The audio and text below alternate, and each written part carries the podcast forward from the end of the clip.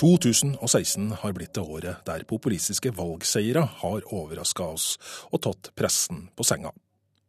Brexit i England og resultatet av presidentvalget i USA fungerer som vitamininnsprøytning for små og store populistiske bevegelser både i utlandet og her hjemme i Norge. Definisjonen på populisme er ifølge Wikipedia en ideologi som mener at det er et motsetningsforhold mellom folket og eliten. Det eksisterende politiske systemet tilhører eliten. Populistene sjøl mener at de representerer den sunne fornuften til folk flest. Og i populistenes øyne tilhører den tradisjonelle pressen også eliten mange av lederne i det vi kaller for populistiske og nasjonalistiske bevegelser, eh, de gjør jo også media til en av det klassiske hovedfiendebildet. De bare sier at vi, det er vi som er løgnere, det er vi som eh, ikke forstår folk. Vi er ikke folk flest. Redaktør og politisk kommentator Harald Stanghelle fra Aftenposten skal vi høre mer fra seinere i programmet. Men først så skal vi være med når programmet Verdibørsen her på P2 besøkte stiftelsesmøte av et helt nytt populistisk parti kalt Alliansen. Partiets leder, Hans Lysglimt Johannessen, som kanskje er mest kjent som en av Norges mest engasjerte Donald Trump-tilhengere, er tydelig på hvem motstanderen til partiet er. Ja, det er folket mot eliten. Og det er samme bevegelse som vi ser i eh, utlandet. Som vi ser i eh, England med brexit, selvfølgelig, hvor, eh, hvor vi vant en fantastisk seier. Og i USA med Trump, som også er noe av det samme. Og dette er en vitalisering, egentlig, av litt sånn ukjente stemmer som er blitt holdt tilbake. Samme dag som verdibørsen var til stede da alliansen ble stifta, besøkte dem også et annet populistisk parti. Demokratene ble i sin tid stifta av politikere som ble ekskludert av Frp.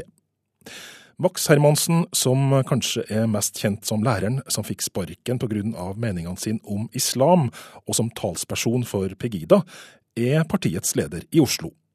Og når eh, Max Hermansen får spørsmål om hvem eliten egentlig er, så svarer han sånn. Altså, vi ser det jo veldig tydelig i NRK, det, det må vi innrømme. Altså, eh, at man ikke ser ut til å skjønne at integreringen av muslimer eh, er så å si ikke-eksisterende. Og, og, det ser ikke NRK ut til å ha skjønt. Og også veldig mye annet av massemedia ser ikke ut til å ha skjønt dette her. I dette programmet skal vi se på media og populismen. Er de motstandere, eller arbeider de sammen? Er journalistene i ferd med å gjøre seg til populismens nyttige idioter? Velkommen til Kurer. Mitt navn er Lars Erik Ertsgaard Ringen.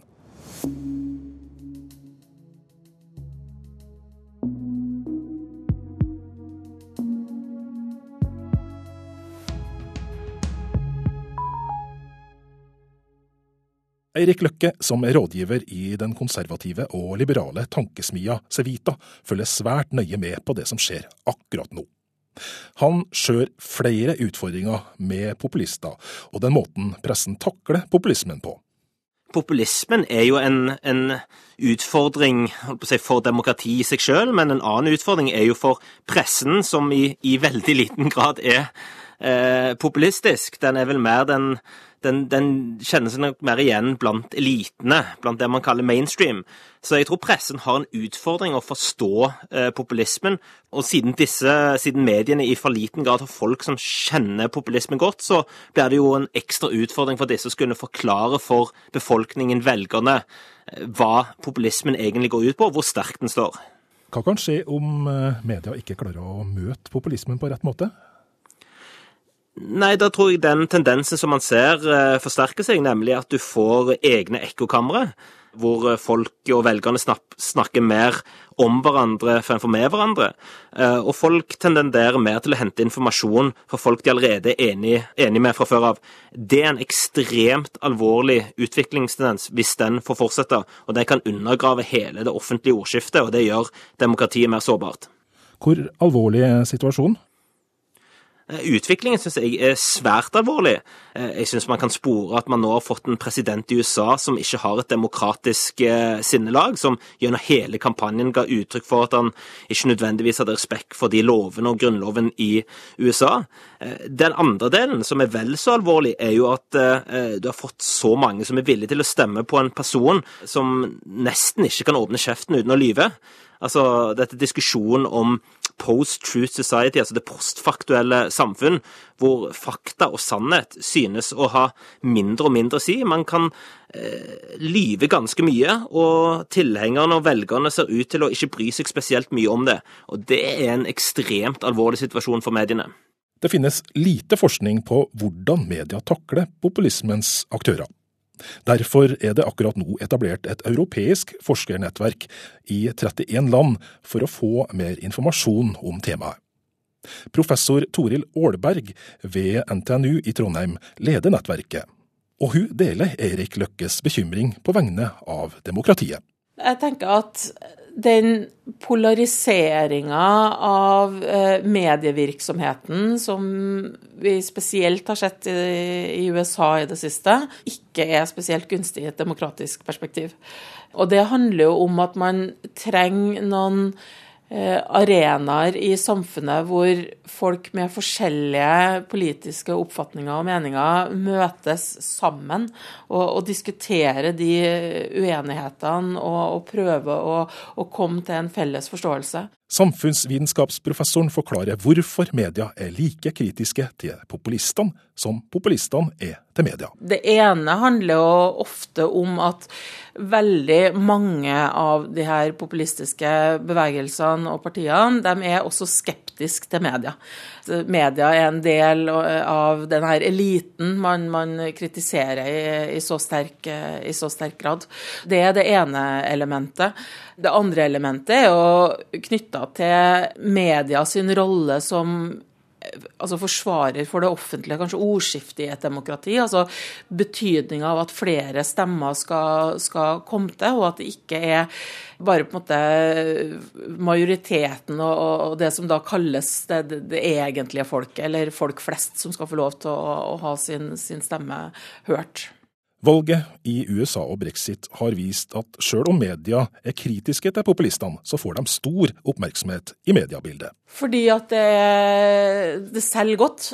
Altså det skaper overskrifter.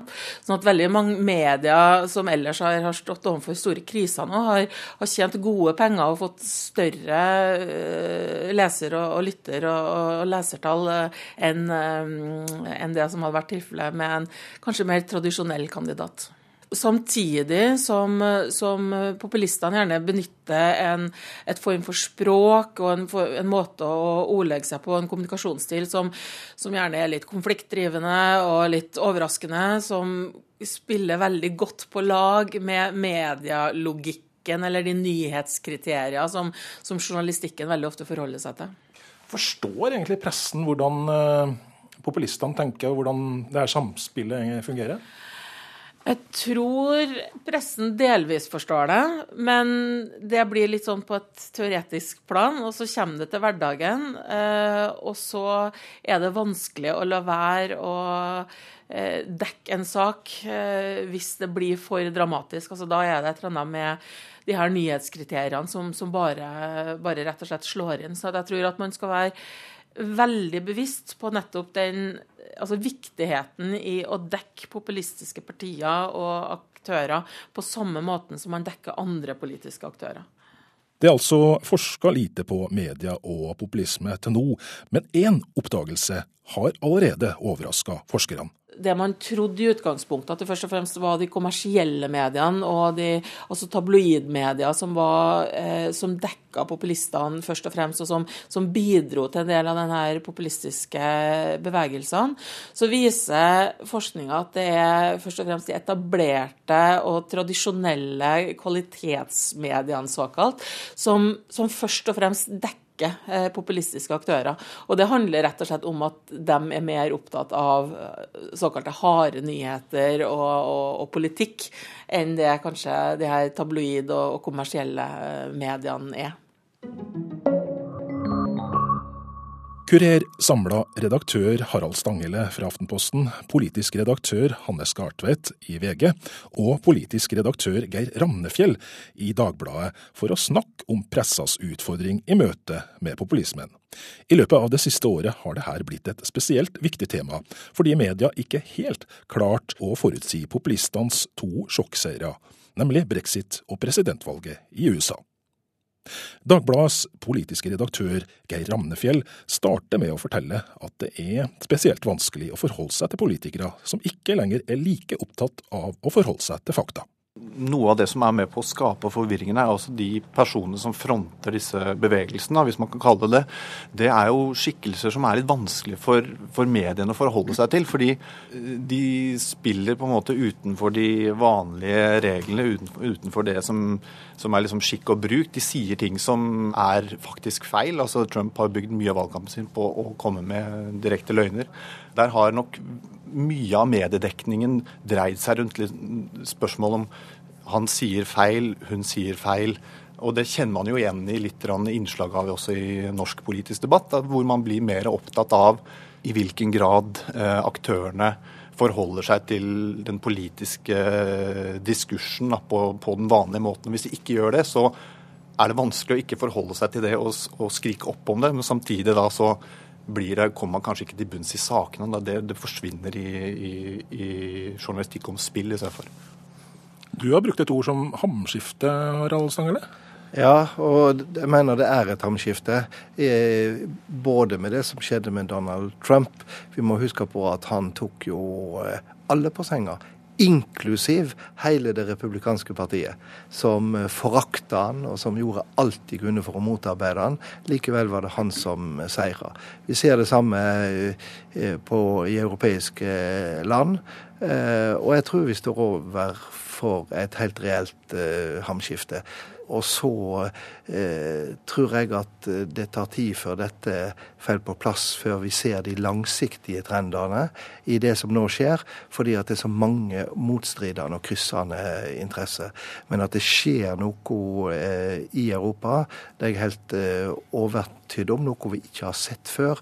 Og dermed så har vi så lite sammenligningsgrunnlag. Og så er det akkurat eh, det at mange av lederne Eh, i det vi kaller for populistiske og nasjonalistiske bevegelser, eh, de gjør jo også media til en av det klassiske hovedfiendebildet. Eh, og det setter oss litt ut, fordi at når vi påpeker faktafeil og den klassiske journalistikken og manglende sammenheng i politikk og sånne ting, så imøtegår de oss ikke. De bare sier at vi, det er vi som er løgnere, det er vi som ikke forstår folk. Vi er ikke folk flest. Hva som skal være pressens, eh, pressens rolle i dette, det tror jeg blir ganske vanskelig å manøvrere i framover. Altså, vi, må nok, vi må nok venne oss til at, at vi har en, har en, annen rolle enn det vi har hatt eh, tradisjonelt i mange tiår. med med andre kanaler, med sosiale medier, hvor, uh, hvor uh, politikere og andre aktører har fri tilgang og kan kan komme med sin helt egen framstilling av, eh, av, sakens fakta. Det gjør at, at mediene må redefinere litt hvordan de forholder seg til den type debatter som dette. da. Når man sitter som tre kommentatorer og er veldig sånn hellige og snakker om pressens oppgave, og sånn, så, så, så, så, ser man jo litt bort fra at det ligger jo litt i, i pressens natur å være sensasjonalistiske. Altså, det, er jo ikke, det er jo noe som populistiske krefter også kan spille på.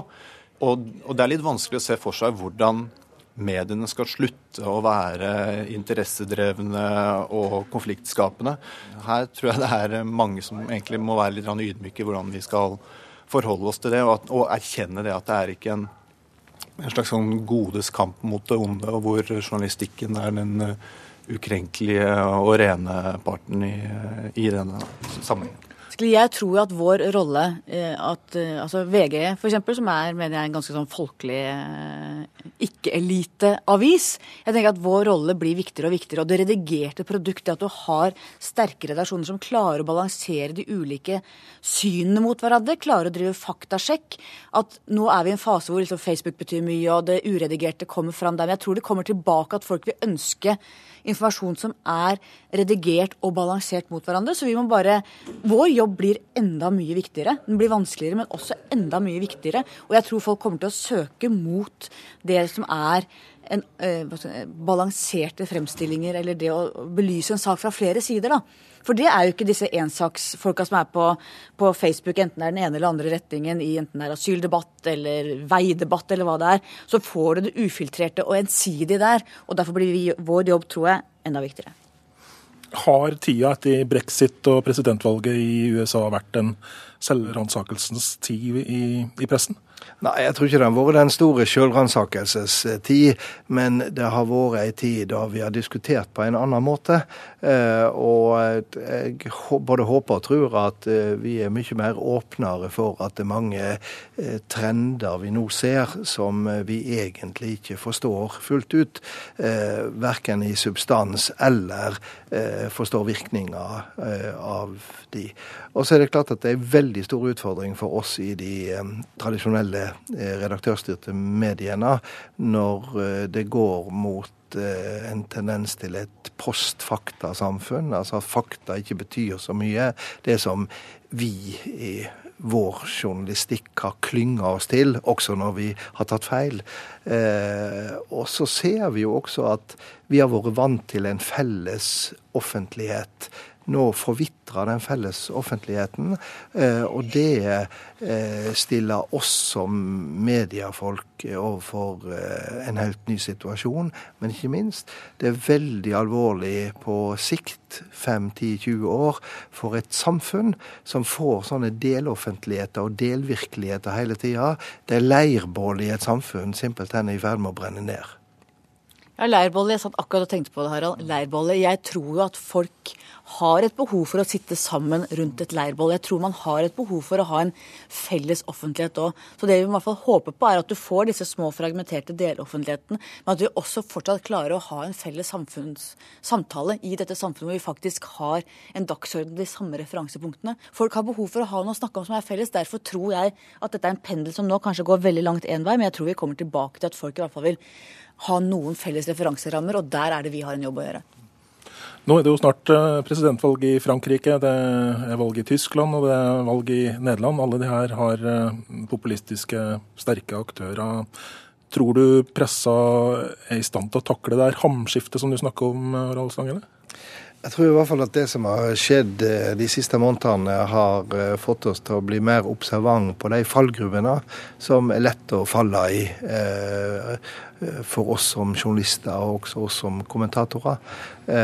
Og så er det store utfordringer med å forstå, og det er store utfordringer med å tolke. Eh, og det å forstå og det å tolke eh, en ny virkelighet, det er på en måte den eh, det, det virkelig store jobben som vi har å gjøre. Og så er det klart at vi blir nok litt forvirra også fordi at mange av oss, i hvert fall den type kommentatorer som jeg representerer, har på en måte alltid gått ut fra som selvsagt at demokratiet står så sterkt, eh, det liberale samfunn står så sterkt at det trenger vi ikke bekymre oss for. Og så ser vi plutselig at sånn er det faktisk ikke. Det er faktisk mulig å komme eh, til makta gjennom valg ved eh, å spille på autoritære krefter og autoritære strenger. Vi ser at uh, i land som Polen, i Ungarn, så ser vi at lovgivning forandrer seg i mer uh, antidemokratisk retning. Så det som har vært selvsagt, i hvert fall for min generasjon, nemlig at verden går framover, er ikke like selvsagt lenger. Det gjør det mer spennende, men det gjør også at en må sette på enkelte varsellamper. Det er ikke sånn at vi eh, lager nyheter for dem som er interessert i nyheter nå, og så mister vi en del av befolkninga? Jeg håper ikke det, er fordi at eh, journalistikk det dreier seg jo om å rapportere fra sin egen samtid og, og, analysere og forstå den. Eh, det er på en måte det overordna journalistiske eh, oppdraget. Ikke blindt og holdningsløst, men på en ryddig måte. Og det oppdraget står seg. Og så er det vår oppgave som journalister og redaktører eh, å gjøre det på en måte sånn at vi virkelig greier å fange opp de strømningene som er eh, i, i eh, folk nå, både i Norge og, og, i andre land. Tror du dere vil klare det i Frankrike, Tyskland og Nederland? Ja, det tror jeg, og det håper jeg. Eh, og så eh, er jo ikke sikkert at en blir like ivrig til å spå et gitt resultat som eh, en ofte har vært. Men det kan jo bare være sunt.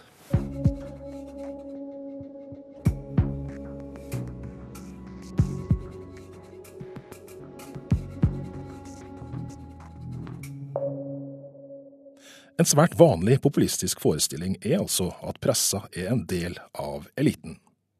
Undersøkelser tyder også på at det finnes forsvinnende få norske journalister som sjøl har et populistisk ståsted.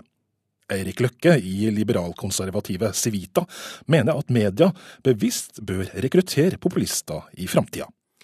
Jeg tenker at det er veldig viktig at eh, Medie-Norge, at pressen og journalistene sørger for å inkludere flest mulige stemmer. Eh, både når de lager saker, eh, når de velger ut ulike kilder. Men kanskje også så bør man se på om man har eh, nok folk i, i, i sine egne medier som journalister som kan sies å ha populistisk, et populistisk ståsted, en bakgrunn som, som, er litt ulik de fleste andre journalister.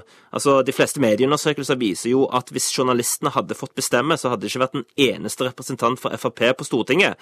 Eh, det er en utfordring som mediene burde ta enda mer alvorlig. Så det går både på hvilke stemmer man inkluderer, men jeg syns også medienes egne ståsteder og journalistenes egne ståsteder er ekstremt viktig. Eh, rett og slett fordi at eh, man kan jo være så profesjonell man bare vil, og forsøke å være så nøytral man bare vil, men eh, man blir jo alltid prega av det utgangspunktet man har. Eh, og når det er slik at de, ja, de aller fleste journalistene på et eh, sett deler sin hva skal du si, forakt eller sin motstand mot populismen, så sier det seg sjøl at det er et dårlig utgangspunkt for virkelig å forstå populismen og forstå hvilke strømninger som preger folket professor Toril Aalberg ved NTNU i Trondheim, som leder et stort forskningsnettverk i Europa for å se på forholdet mellom pressen og populismen, er skeptisk til Løkkes forslag om å rekruttere populister inn i norske redaksjoner. Nei, jeg tror man skal være litt forsiktig med å, å, gå i en retning hvor man skal ha en spesiell form for partibok i orden for å kunne bli journalist i Norge. Man eh, står litt i fare for å skape seg en virkelighet hvor man får noen medier som representerer ett politisk syn, og, og, andre medier som da står for et helt annet politisk syn. Vi har jo hatt det i Norge. altså Vi har jo, en, vi har gått bort fra den partipressen. Jeg tenker at det er en god ting at vi, vi ikke har en, en, så tydelig partipresse, men at vi har mediebedrifter i Norge som, som også favner større, og som, som favner større befolkningsgrupper. Aalberg mener at det ikke er helt korrekt at media i Norge er fri for populistisk tankegods. Man kan si at media også kan være selvstendige populistiske aktører. Og det skjer når media sier at det er dem som representerer det vanlige folket. Eh, og der eh, har man hatt flere, flere eksempler, eh, også for så vidt i Norge, hvor, hvor TV 2 i en periode ble, ble beskyldt for å være, ha en veldig sånn populistisk stil, med Holmgang f.eks., hvor man ga uttrykk for at man Eh, snakka på, på vegne av mannen i gata mot, eh, mot, eliten. Eh, og gjerne da identifisert ulike grupper som da var, utgjorde problemer til, til mannen i, i, gata, eller gjennomsnittsborgeren og, og, og de norske. Vi legger snart bak oss det turbulente politiske året 2016 og går inn i et år der Frankrike, Tyskland og Ungarn skal velge ny president. Og et år der nederlandske velgere skal sette sammen et helt nytt parlament. Og alle de her valgene, og valgkampene opp mot valgene, kommer til å bli påvirka av sterke populistiske krefter i de respektive landene. Den 11. september 2017 vil også vi nordmenn strømme til stemmeurnene for å velge et nytt storting. Også her i Norge kan populismen komme til å ta stor plass i valgkampen. Og det eneste som er sikkert med erfaringene fra 2016 i bakhodet, er at det kommer til å bli spennende å se hvordan media rapporterer det som skjer til neste år.